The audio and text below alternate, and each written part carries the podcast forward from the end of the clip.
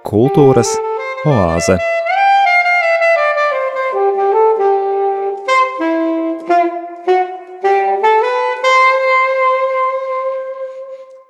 Esiet sveicināti, cienījamie radio Marija Latvija klausītāji. Ēterā savu skanējumu sāk raidījums Kultūras oāze, un jūs sveicina tā veidotājs un vadītājs Normunds Zariņš. Mūsu tautai visā vēstures gaitā ir bijusi tieksme pēc izglītības šī vārda visplašākajā nozīmē – Ļoti nozīmīga loma sabiedrības izglītībā allaž bijusi rakstniekiem un zēniekiem, kurus vēl šodien bieži devējam par tautas gaišākajiem prātiem. Nenoliedzami, dažs rakstnieks un zēnieks vairāk iesējas auglīgās domas sēklu, dažs mazāk, kāds biežāk laistīs šos trauslos neaizsargātos stādus, cits retāk. Uzlūkojot šodienas plašo literatūras piedāvājumu, patiesi varam ātri apjukt.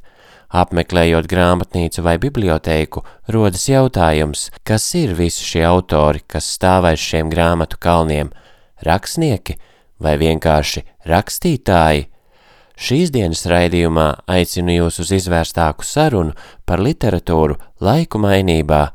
Raidījuma viešņa - rakstniece Nora Ikstena.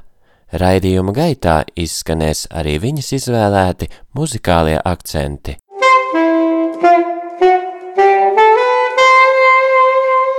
Kultūras oāze ar Normūdu Zariņu. Literatūra jeb rakstniecība ir viss cilvēku uzrakstītais ar māksliniecisku vai sabiedrisku nozīmi. Rakstnieces Noras Ikstenes ieguldījums latviešu literatūrā ir ļoti apjomīgs, nozīmīgs un arī novērtēts pašu mājās un pasaulē. Rakstnieces pirmā grāmata iznāk 1995. gadā, stāstu krājums Nieki un izpriecas. Šobrīd jaunākais autors darbs ir 2021. gadā izdotais romāns Ūdens mirdzēšana. Viņas darbi bagātīgi tiek tulkoti arī citās pasaules valodās, minēšu tikai dažus no tiem. Šobrīd atkal aktuālais autors autobiogrāfiskākais romāns Mātes piens tulkots jau 26 pasaules valodās. Romāns dzīves svinēšana piedzīvojis astoņus tulkojumus. Noras Ikstens stāsts Elzas Kugas vecuma neprāts Margitas Gailītas tulkojumā iekļauts otrajā Eiropas stāstu antoloģijā, tulkots 50 dažādās pasaules valodās. Šo sarakstu varētu vēl turpināt. Ar bijību un iepriecinošu abrīnu uzlūkojas rakstnieces literāro veikumu, vaicāju viņai, kas raksturo labu literatūru. Es skatos uz visu šo mm, Latvijā pat labam esošo lielo grāmatu klāstu, um, tomēr ar tādu, nezinu, kā, kā to nosaukt, ar tādu pietātes sajūtu. Jo man liekas, ka uh, tas, kas, kā tu tik labi pateici, atšķir rakstnieku no rakstītāja, tas ir, tas ir laika jautājums. Jo mēs vienmēr jūtam, ka ir darbi, ir grāmatas, kas no jau latviešu literatūras vēstures ik, ik pa laikam, vai varbūt pat katru gadu, vai ik pa pieciem gadiem atzīmst, atzīmst, atzīmst. Tas ir tās Nu, tie ir tie, tā, kā saka, tie graudi, graudi no pelavām, kas ir atsijājušies jau gadsimtu laikā. Tā ir viena lieta. Otra lieta ir tā um, uh, lasītāju zelta prove, jo es domāju, ka Es esmu personīgi kā rakstnieks piedzīvojusi ļoti daudz tikšanās, ko teiks arī mani kolēģi, rakstnieki, tādi kā Inga Ābele vai, vai Andris Akmentiņš vai um, Mārs Zālīte, vai es varētu saukt, ja. Šī atgriezeniskā saikne ar lasītāju, kurā tu jūti patiesu, dziļu sarunu un interesi tieši par literatūru, par izlasīto grāmatu. Un kad tava tikšanās kā rakstniekam ar lasītāju nepārvēršas gluži kā mūsu saruna, par to, kas notiek apkārt, vai teiksim, par politisko situāciju. Jo nu, mēs, protams, nedzīvojam kaut kādā noslēgtā vidē, bet ka mēs runājam par grāmatu. Es gribu iekāpt laivā redzēt šo pasauli no ūdens malas, vai tiešām viss ir tā, kā šķiet. Bet varbūt ūdens atspūgs mani uzrunās un iedos jaunu domu graudu. Atsakos tam ticēt ka mums palikušas vien divas krāsas, kā lai sajauc atpakaļ to saules gaismu, kā lai atgriež jūru tik dziļu, ilgu, skaistu. Es tiešām negribu dzīvot melnbaltā filmā tāpēc kāpšu laivā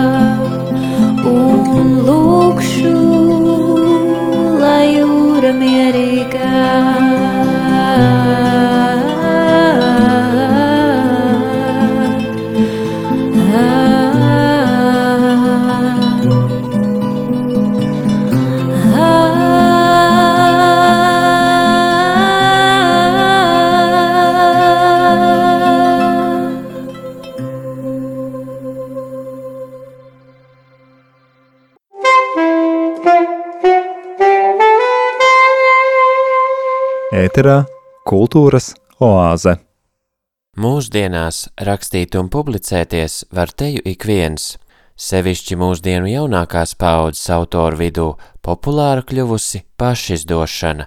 Ir autori, kas raksta un izdod vienu grāmatu pēc otras, taču tikai retais darbs atstājais sevis ko paliekošu.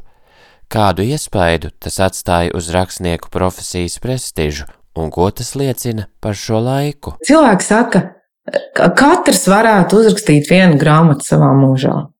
Katrs var rakstīt piezīmes, katrs var rakstīt dienas grāmatas.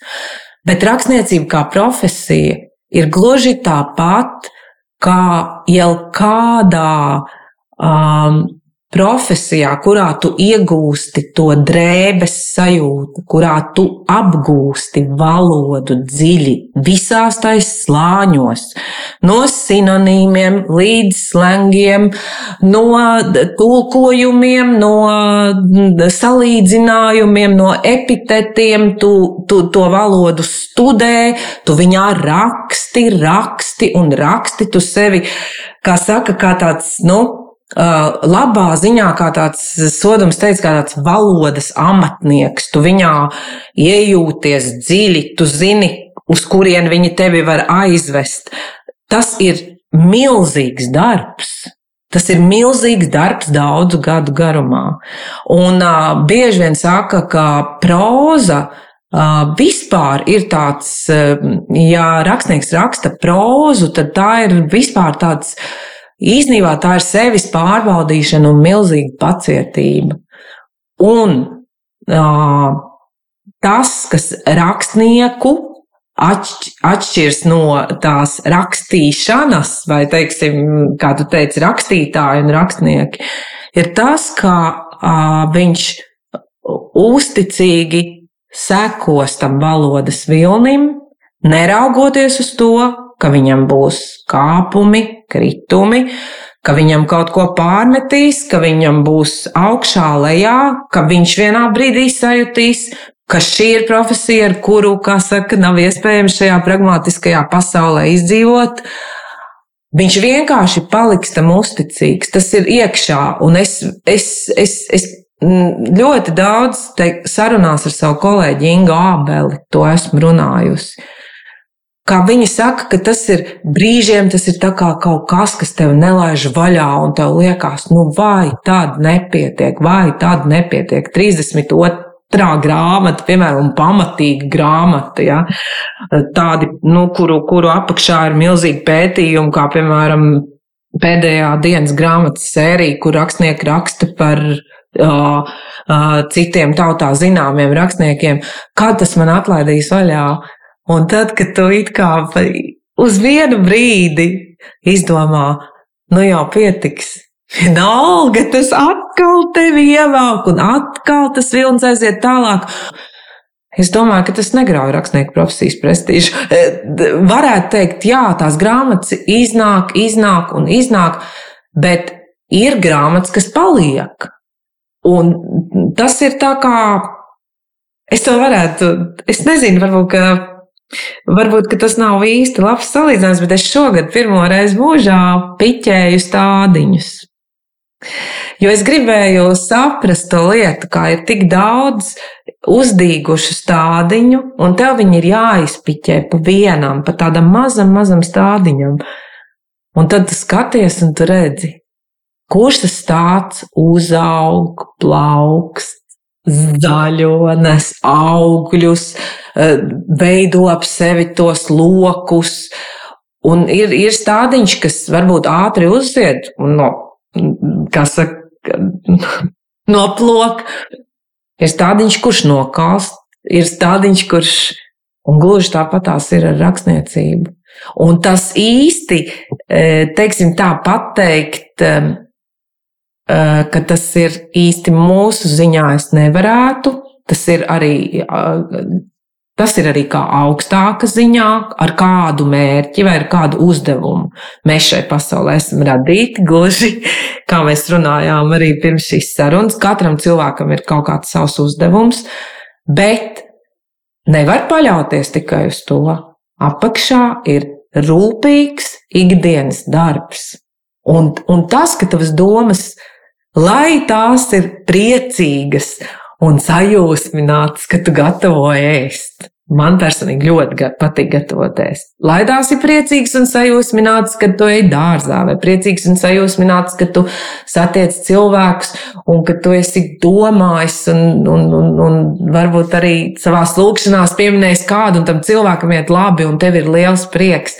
Vienalga, tad domas atgriežas pie tā, ko tu raksti. Lūk, arī Noras Ikstenes padoms ikvienam, kurš jūtas aicināts rakstīt. Rakstat tikai tajā gadījumā, ja jūs patiešām nevarat nerakstīt. Nerakstat tikai rakstīšanas pēc. Un šeit es varu piesaukt Imānu Ziedoni, kuram bija brīnišķīgs stāsts par to, ka viņš jau sasniedzis kaut kādu savu augstā, augsto, augstāko gara un rakstīšanas līmeni, ja, ka viņš iet pa to lauku ceļu un viņš jūtas tas vējš viņam pretī, vasaras vējš, un viņš pilnīgi jūt, ka viņam pretī nāk dzējols. Un viņš saka, lai tas dzējols paiet garām. Un es aiziešu, es šo dzējolu nepierakstīšu. Tā tad ir jāraksta tad, kad tas ir kaut kas ļoti būtisks, ļoti pamatīgs un ļoti tevī izaudzēts, un ka tas nav mušas viendienītes mūžs, ka tu izjūti ar visu savu es, kad man tas ir jāuzraksta. Un uh, varbūt daudzi no tiem ļaudīm pateiks, ka viņiem ir bijusi tieši tāda sajūta, bet um, es domāju, ka laiks ir tas, kas izsijā, eh, kā jau teicu, graudus no pelavām. Un, um, man liekas, ka visā šajā tehnoloģija laikmetā rakstniecība, tāpat kā dzīves teātris, tāpat kā dzīva mūzika, tās ir tās lietas, pie kā mēs varam paturēt savu veselo saprātu. Un, protams, Pro, protams, ja mēs uh, uzticamies ceļam, kur mēs ejam, un tā ir katra personīgā izvēle, un tā ir brīva izvēle. Neviens tevi nespiež izvēlēties tādu, tādu vai tādu ceļu. Tā ir tava brīva izvēle. Un, uh, ja tu, ja tu satiecies ar uh, ar, arī ar to augstāko spēku, tad pat tad tā ir tava brīva izvēle. Un tā nav, tā, par to nav skaļi jārunā, jo tas ir tik dzīvs un tik klātesošs un tik uh, elpojošs, kā viss, kā viss, kā viss mums apkārt. Tikai tam ir uh, jāatveras. Nu, vienkārši jāatver savs sirds.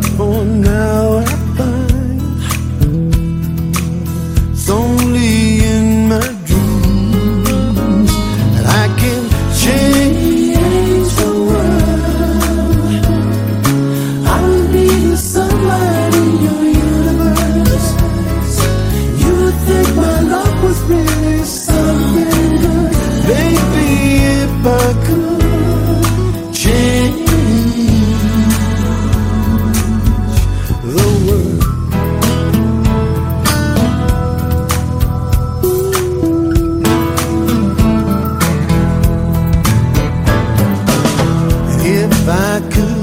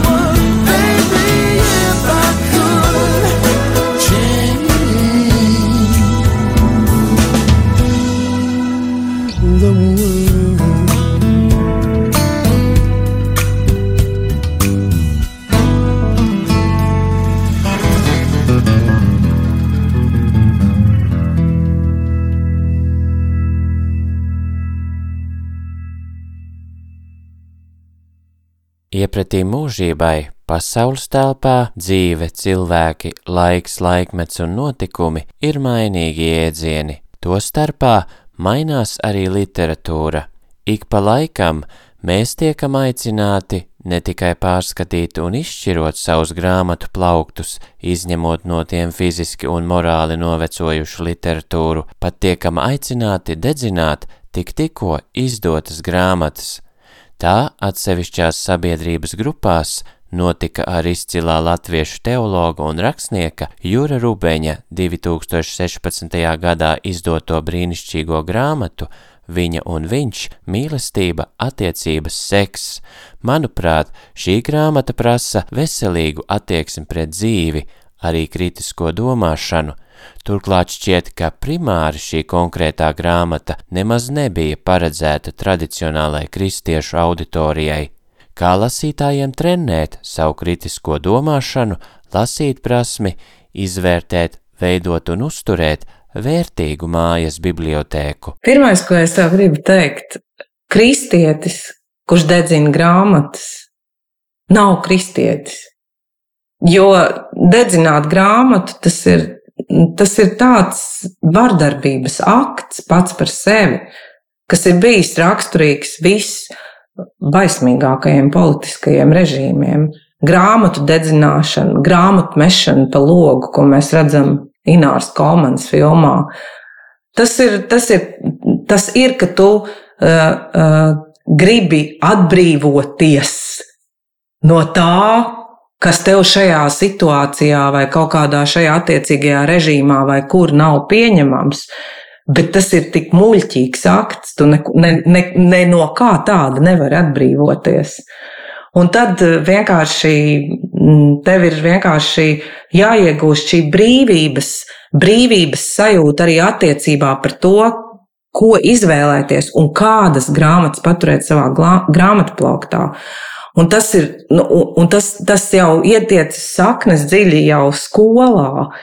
Varbūt tev bija fantastiska literatūras skolotāja, kas tev ielika tādus pamatus, un uz mūžu tev ir tā grāmata. Kā man ir, piemēram, Klāva Elsberga dzēja, kas bija vesels laikmets, manas paudzes dzīvē un vesels laikmets. Ja, Tālāk tu sāc rakstīt, ja, tev ir savs skolotājs, manā gadījumā dzintars sodums, kurš tev trenē tajā pasaules literatūras, kā saka, milzīgajā iespēju laukā, un tu no izvēlts no tā grāmata no tā savas grāmatas. Jo tā tava grāmata, vai tā grāmata, ko tu gribi paturēt savā grāmatplauktā, ir tā grāmata, ko tev gribēsies pārlasīt. Un tev nav jāpatur viss grāmatplaukts, kā mēs runājām. Ja? Kas tev, ko tu jūti, kas nav derīgs, Atdod kādam citam, atdod bibliotekai, iesaki kādam citam, šķiro savas vērtības, jo laika gaitā cilvēkam attīstoties un cilvēka dzīvē ejot uz priekšu, viņš arī viņš vienkārši nestāv uz vietas. Ja? Viņš izveidojās par personību tieši saliekot visas šīs lietas kopā, gan pieredzi, kura iespējams izvēlas tevi, gan, gan izlasītās grāmatas, gan visu pārējo. Un, un, un tā, tas tiešām tas jūra rubeņa gadījums. Es domāju, viņš taču vēlē, vēlējās visu to labāko. Viņš īstenībā uz, uzrakstīja, paskatījās no citas puses Un, un tas jau ir tas, kas rakstnieku dara brīvu. Viņš nedrīkst būt nekādos slogos. Un, ja viņš tikko viņš ie, iekļūst kaut kādos uh, pamatīgos rāmjos, vai tie būtu politiski rāmi, vai tie būtu ticības uh, dzelžaini rāmi, vai tie būtu kaut kādas, uh, teiksim, virziena dzelžaini rāmi, tā jau viņš pazaudē to, to brīvības sajūtu. Jo, ja tu izvēlies tā stāstīt to stāstu, tad tev viņš ir jāstāsta maksimāli godīgi, maksimāli no sirds un maksimāli kā tas ir. Ja vien tu neesi, piemēram, nu, teiksim, um, fantastikas literatūras autors, kas raksta vienu grāmatu pēc otras un ar to pelna naudu. Ja? Nu, tas ir tā, ir, tā ir, tā ir atkal cita lieta. Ja? Jo pavisam nesen es, es vēlreiz pārlasīju, man ir ļoti mīļa dāņu autora Kārena Bliksena vai Aiseks Dīnesens, kā viņi sāk publicēties angļu valodā, filmu Āfrikas ferma. Un es tur atkal, atkal sajūtu to, ko es izlasīju pašā, sā, pašā sākumā, kā pieņemt citādo, kā iekļūt citā vidē, citās sajūtās. tā pamazām veidojās tās grāmatu plaukts. No grāmatām, kas ir, kā saka, kas paliek tev atmiņā. Un, un, un grāmatu plaukts ir šķirojams. un grāmatas vajag. Nu, īstenībā grāmatām vajag gan pieķerties, gan nepieķerties vienlaicīgi. Un, un, un, un, un neturēt, neturēt arī uh, mājās neko, neko tādu, kas tevi ievelk apakaļ kaut kādā, kaut, kaut kādās, varbūt kaut kādās drūmās sajūtās vai kaut kādā tādā periodā, ja, kur tu esi bijis aizrāvies ar kaut ko, ko tu tagad pieņemsim, nu, kas, ka, kas tev tagad ir pagājība. Bet pamatā rakstniekam tās noteikti ir vārnīcas, tas noteikti ir um, nu, kā saka, vairāk eh, valodas amat, amatnieciskas grāmatas, jo eh, tie momenti, ka tad, kad tu lasi cita rakstnieka uzrakstīto, un tu lasi, un tu esi tik šausmīgi priecīgs par to, ja es tā varētu uzrakstīt, tie ir reti, bet tie vispār ir fantastiski. Jo tad tu jūti, ka ir, ir, kad es izlasīju Ērika Adamsa un Abakuka krišanu, es domāju, ja es kādreiz varētu uzrakstīt kaut ko tādu tīri, tik, tik dzidru, tik tīru, tik, tik skaistu valodas ziņā, tad es būtu, nu tā ir priecāšanās par to, ka kāds to ir izdarījis. Tā tad iespējams arī tu to kādreiz varēsi izdarīt. Varbūt.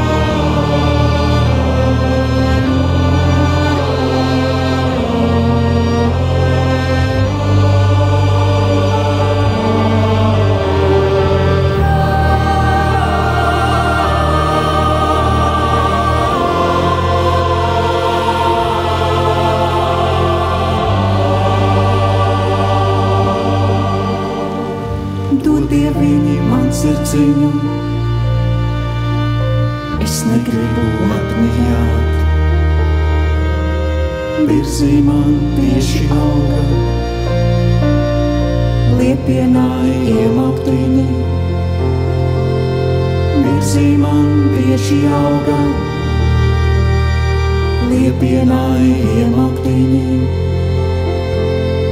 liepienājiem aktiņiem.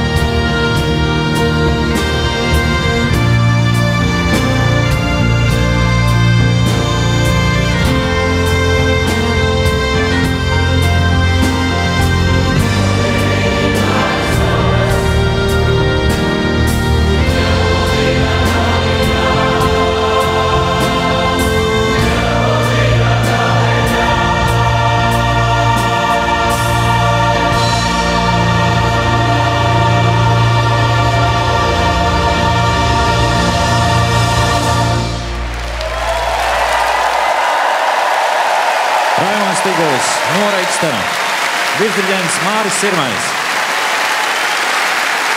solistes Virta Ozoliņa un Ieva Ezeriete. Savā 2013. gadā izdotajā grāmatā Dievmātes draudzene, kuru Nora Ikstena velta saviem ļaudīm Gruzijā, viņa runā par to, ka mums jādomā skaidrāk, īstāk, neikdienišķāk, attīstot spēju gan pieņemt citādo, gan savējiem piešķirt citādā vaipstus. Grāmatā skaisti atklājas arī viņas ticīgās sirds. Atzīšos, ka man personīgi šī ir mīļākā no autoras grāmatām. Šobrīd šķiet, ka savstarpēja nepieņemšana visos līmeņos tikai pieņemas spēkā. Nora turpina. Nu, protams, mīlestības dēļ te iemet pilnīgi citā vidē, citā kultūrā, kurā varbūt vēsturiski ir saistīti, teiksim, nu mēs varam pateikt, ja, ka Gruzija arī bija cīnījās par neatkarību, un 2008. gadā, kad es tur pirmo reizi nokļuvu, bija tikko beidzies Abhāzijas karš, un es atceros, kad es uz turieni zvanīju un jautāju, vai jums tur Belisī ir gaisma, un tad es no tumšās Rīgas iebraucu apgaismotajā Gruzijas galvaspilsētā un apkalnējos par savu jautājumu. Bet ieiet citas tautas mentalitātē un kultūrā, mēģināt iemācīties tās valodu, kas ir ļoti grūta, pieņemt ticību. Tas viss ir, es domāju, mm, tas viss māca mūsu uh, Tas ir darbs ar sevi, kā būt empātiskam, kā būt tolerantam, kā saprast to, ka tagad tu esi šajā teritorijā, un šeit cilvēki runā, domā un tic tā. Un galu galā tu esi aizbraucis pie viņiem. Tu esi tas viesis, kurš vēlas kļūt par savējo. Tā tad Tātad ar visu sirdi un dvēseli tev ir, ir jāmēģina ieiet šajā pasaulē. Uh, tas bija ļoti, ļoti interesanti. Tas bija milzīgiem piedzīvojumiem un deva man milzīgu dzīves pieredzi, neraugoties uz to, kāpēc, kāpēc kādiem gadiem es no šī citādā atgriezos atpakaļ Un tieši arī soduma pierakstos atradu šo teicienu, bet mušai kājas medū, tai pašā dzimtenes un valodas medū. Un tas, ka es esmu, tagad es to varu pateikt, ka es esmu tā, nu, varbūt ne gluži muša, tas tādā soduma stilistikā, bet bite, kuras kājas ir medū latviešu valodā, es tāda esmu. Un Man liekas, es tāda būšu. Līdz, eh, saka, līdz, līdz, līdz, līdz tam, kamēr man nolikts būt šajā pasaulē tagad. Jo mm, viss citādais tevi stiprina, tas tev atļauj paskatīties uz lietām no citas, arī uz savām lietām, arī uz to uh, uh, dievjaušību vai savpatību vai to, ka mēs, piemēram, mēs latvieši dzīvojam šajā teritorijā, kādi mēs esam, un tad tu izkāp no tās teritorijas laukā un paskaties no malas un redzi, izskatās savādāk. Un tad tu atkal ieplūst apakaļ, bet te jau ar jaunu pieredzi, un tu nepieņem vairāk tās lietas, kā saka, tu nesatraucies par tām lietām, jo tu zini, ka tās lietas tu nevari ietekmēt. Bet tev ir sava dzīve, savā, uh, um, savs, savs uzdevums šajā dzīvē, arī šis rakstniecības uzdevums, un tu to mēģini piepildīt, un tu esi tai uzticīgs. Un tas beidzot sniedz laimes sajūtu. Tas nav nekas, kā šajā intervijā. Tas nav nekas, uh, uh, uzspēlēts vai sataisīts, vai uh, tam nav vispār intervijas formāts. Tā ir vienkārši brīvi plūstoša saruna. Un, ja cilvēki vēl, ja rakstnieki tā rakstītu, tad vispār būtu paradīze zemes virsū, jo tagad tik mēs varbūt nonākam pie atbildes uz to jautājumu, kas atšķir rakstnieku no rakstītāja. Jo rakstniekam jāraksta, un rakstnieks raksta ar šo bez spaidiem un viltus, ar šo brīvības sajūtu. Ja, tas nenozīmē, ka viņš nav arī kaut kā, nu, protams, viņš ir, kā teikt, so, sociāla persona, viņš ir kaut kādos rāmjos, ja, bet tas plūst brīvi kā upe, un tu vienkārši, tu, tu tam ļaujies. Un, um, un Dilmāts draudzene man deva šo mm, citādā provi.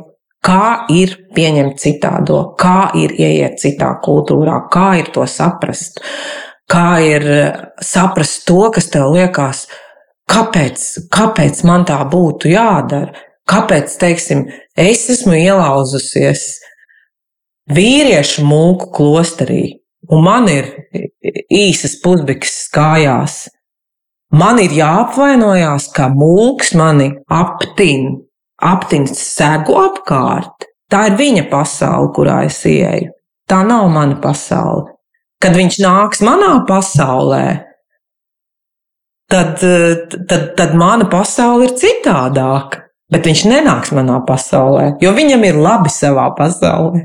Man ir labi savējā.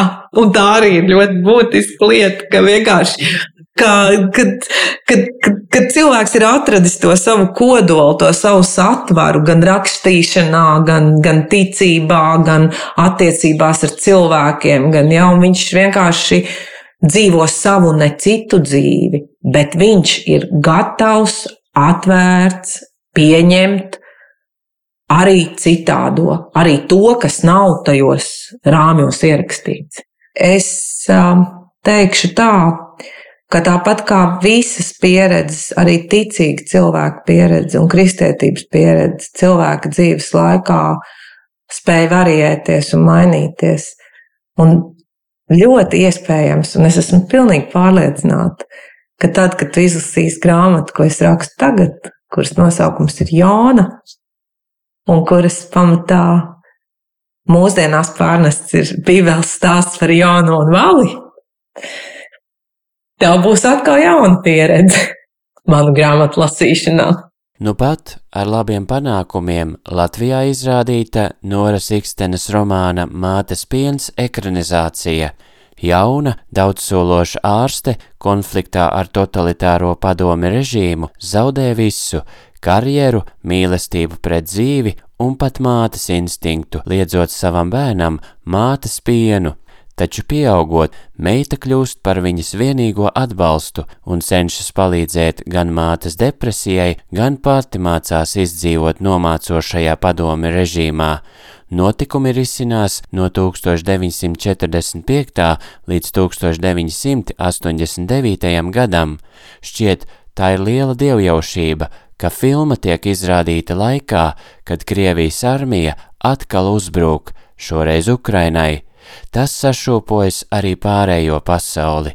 Raidījuma veidošanas gaitā no filmas režisoras Ināras Kolmanis uzzinu, ka uz šo brīdi filmu redzējuši jau 50 tūkstoši skatītāju. Raidījuma izskaņā noras pašas būtiskākās atziņas. Patiesi, mm, 15. gadā, kad es rakstīju mātes pienu, es, protams, nekad nevarēja paredzēt.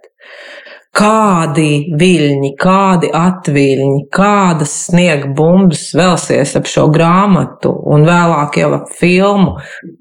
Kurš no mums varēja paredzēt eh, visu, kam mēs esam gājuši cauri pandēmiju vai Ukrainas karu, kuram mēs joprojām ejam cauri? Ah, bet uh, Es, es, es domāju, ka šī stāsta pamatā ir, ja mēs vēsturē raugāmies, tādas nu, tik būtiskas lietas, ka, kas tad uzvarēs? Mīlestība uzvarēs vai iznīcība uzvarēs? Un ar to cilvēks ir saskārusies visas savas attīstības gaitā.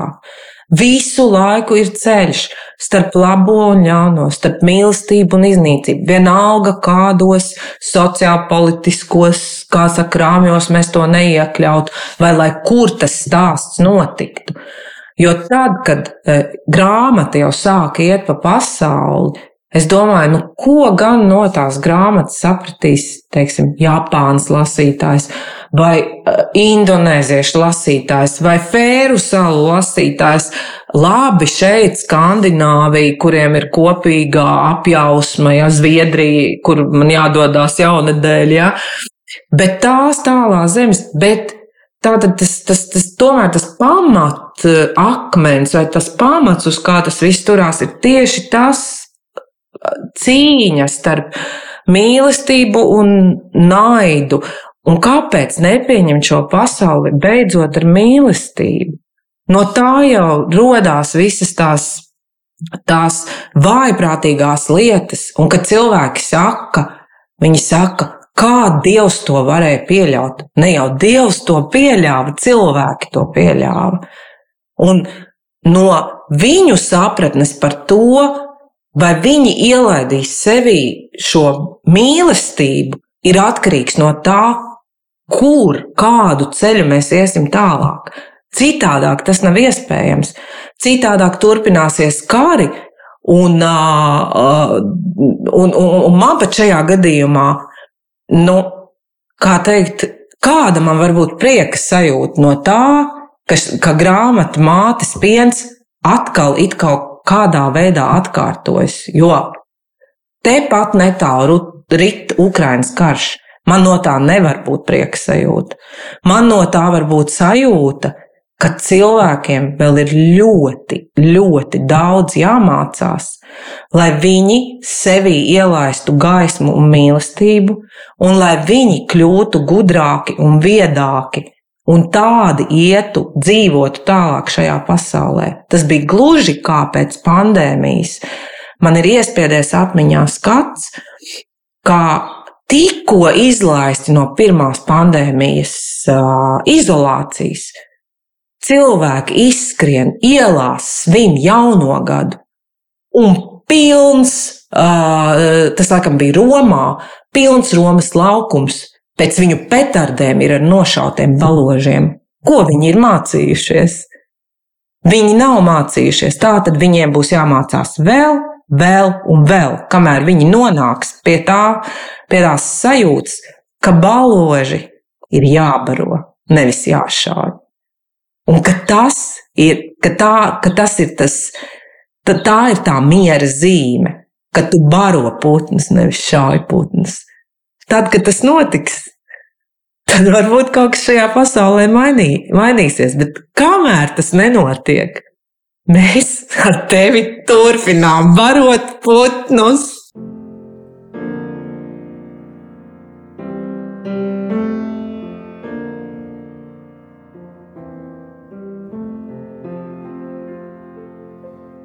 Cik vētru nav bijis, cik sviedru nav bijis, cik lietu nav sijājies pāri, bet palicis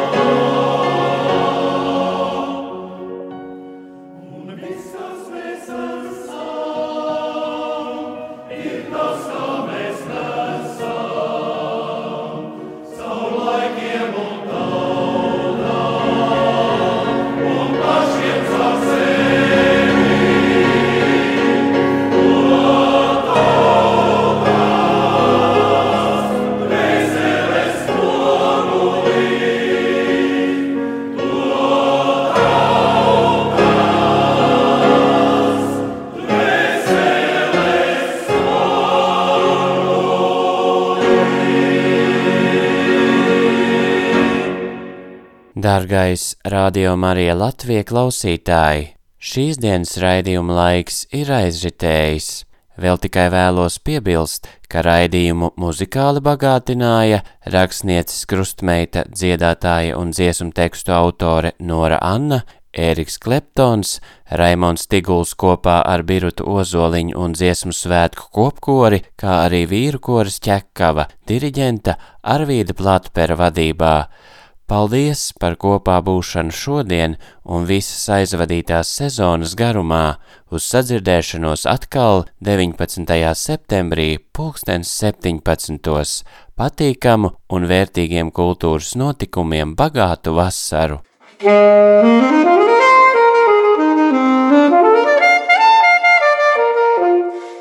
Izskanēja raidījums Kultūras oāze.